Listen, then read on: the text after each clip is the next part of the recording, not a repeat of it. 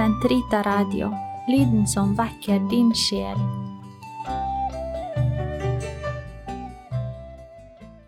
Kroppens teologi, en kommentar til pave Johannes Paul 2.s onsdagskatekeser av Eirik Ambrosius Stenhoff.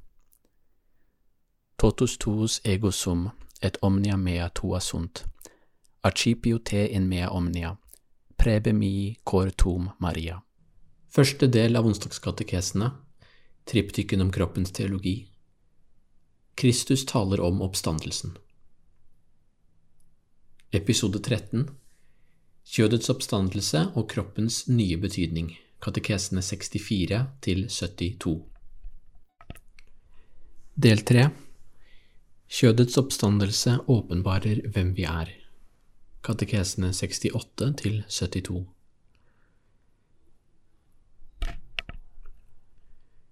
Til slutt i denne episoden vil vi komme med noen oppsummerende betraktninger om hva kjødets oppstandelse har å si for kroppens teologi.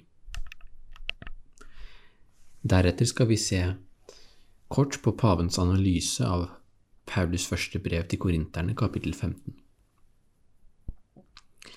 Hittil i episoden har vi sett hvordan oppstandelsen er en nøkkel til å forstå kroppens teologi. Jesus sier i samtalen med sadukerene, som altså avviser muligheten for en kroppslig oppstandelse, at vi ikke skal være gift, men som englene i himmelen. Pave Johannes Paul 2. har vist hvordan denne engleaktige tilstanden i det som Lukas kaller for den kommende verden, ikke må forstås som, som en avkroppsliggjøring, men tvert imot at vi skal bli enda mer menneskelige og derfor i en forstand enda mer kroppslige. Tilstanden i den kommende verden kaller han videre for en gjenoppdagelse av en ny og fullkommen intersubjektivitet. Med andre ord, det er en oppfyllelse av mennesket i egenskap å være skapt for en communio med Gud og med andre mennesker. Og fornemmelsen av, av dette tapte vi i en viss forstand etter syndefallet. Så det er igjen viktig at vi forstår hva paven mener her. Den eskatologiske virkeligheten er ikke bare en fremtidig realitet, men realiseres her og nå. Og Derfor er også eskatologien, og den som er den tredje delen av triptyken om kroppens teologi, en del av det paven kaller for åpenbaringen av kroppen. Åpenbaringen av kroppen peker ikke bare på den historiske tilstanden til mennesket etter syndefallet, selv om det kan si oss en hel del, men den viser både til begynnelsen og den peker frem mot de siste ting. For å uttrykke det med andre ord som mennesker som lever i historien, her og nå, på en konkret måte, har vi en erfaring av kroppen og, en, og av virkeligheten mer allment som er merket av syndefallet. Vårt blikk eh, for kroppens ekteskapelige betydning, for eksempel, er formørket. Men Kristus åpner for oss to dimensjoner som kan kaste lys over vår eksistens her og nå. Begynnelsen og den kommende verden. Og disse utvidelsene av måten vi erfarer kroppen på, sier paven, er dermed ikke helt utenfor vår forståelse av kroppen. Og hele kroppens teologi, um, og forstått i vid forstand, ikke bare pavens bidrag, men vår tenkning om kroppen og menneskelivet generelt. Alt dette er basert på at en slik rekonstruksjon av begynnelsen, og også en teori om den kommende verden, faktisk er en mulighet som er gitt oss av Kristus. Det er mulig å si noe om disse tingene. Og her må vi igjen huske på at denne rekonstruksjonen, eller kanskje den vitenskap, kan vi si, om kroppen som den rekonstruksjonen gir oss, ikke kan reduseres til en slags naturvitenskapelig metode, eller en sosiologisk en. Nei, den er tvert imot førvitenskapelig, et begrep som paven har brukt tidligere, og den gir et grunnlag for all annen empiri og teori om mennesket. Og det betyr konkret at selv om vi ikke kan oppdage begynnelsen eller den kommende verden ved hjelp av f.eks. moderne empirisk metode, så kan vi likevel erfare den på en måte som nettopp går dypere enn det disse metodene lar oss erfare. Og her ligger hele poenget i pavens metodologi. Paven antyder her at grunnen til at Jesu ord om oppstandelsen gir en så dyp gjenklang i oss, nettopp er at vår erfaring av kroppen allerede peker i den retning, så å si. Kjødets oppstandelse er ikke en fjern teori, men en virkeliggjøring av det sant menneskelige. La oss se litt mer på det. I forrige del av denne episoden så vi på et vesentlig poeng hos paven som vi skal utbrodere de neste to episodene. Paven vender tilbake til det her idet han oppsummerer forbindelseslinjene mellom begynnelsen og den kommende verden. Han peker på menneskets opprinnelige situasjon, hvor det var alene. Og den opprinnelige situasjonen kalte paven for den opprinnelige erfaringen av ensomhet. Denne ensomheten åpenbarte på samme tid to realiteter, at mennesket er skapt som en person med personlig eh, bevissthet, subjektivitet, og at det er skapt for et fellesskap av personer. Dette fellesskapet ble realisert eh, i relasjonen til kvinnen, og paven kalte dette for erfaringen av forening, opprinnelig forening. Gjennom å komme sammen med kvinnen sier paven, så oppdager mennesket den ekteskapelige betydningen av kroppen. Og for mennesket erfares denne betydningen på en personlig måte, i motsetning til hos dyrene. Vi er ikke simpelthen skapt eh, eller liksom konfigurert for mekanisk reproduksjon og bare er instinkt, eh, rent eh, animalsk instinkt. Vi er tvert imot kalt til et fruktbart og livgivende fellesskap med hverandre.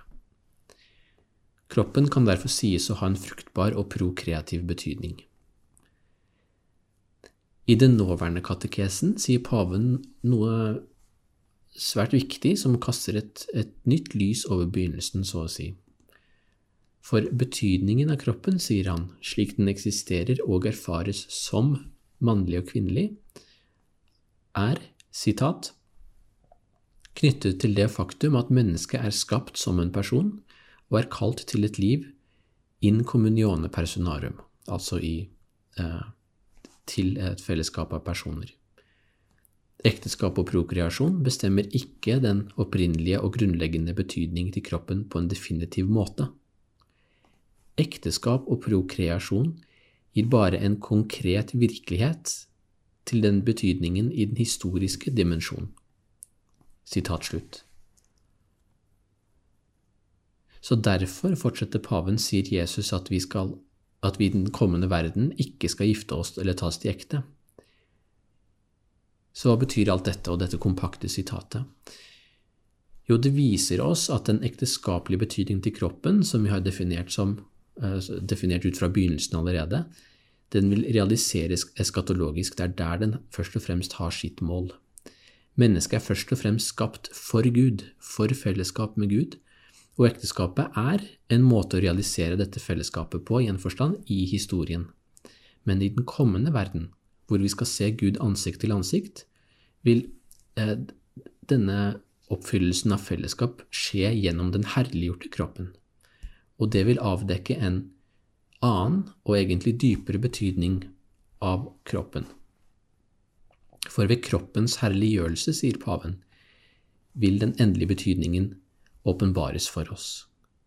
Den lå der allerede fra begynnelsen, eh, og vi skal se på hva dette betyr for vårt liv i verden i de neste to episodene.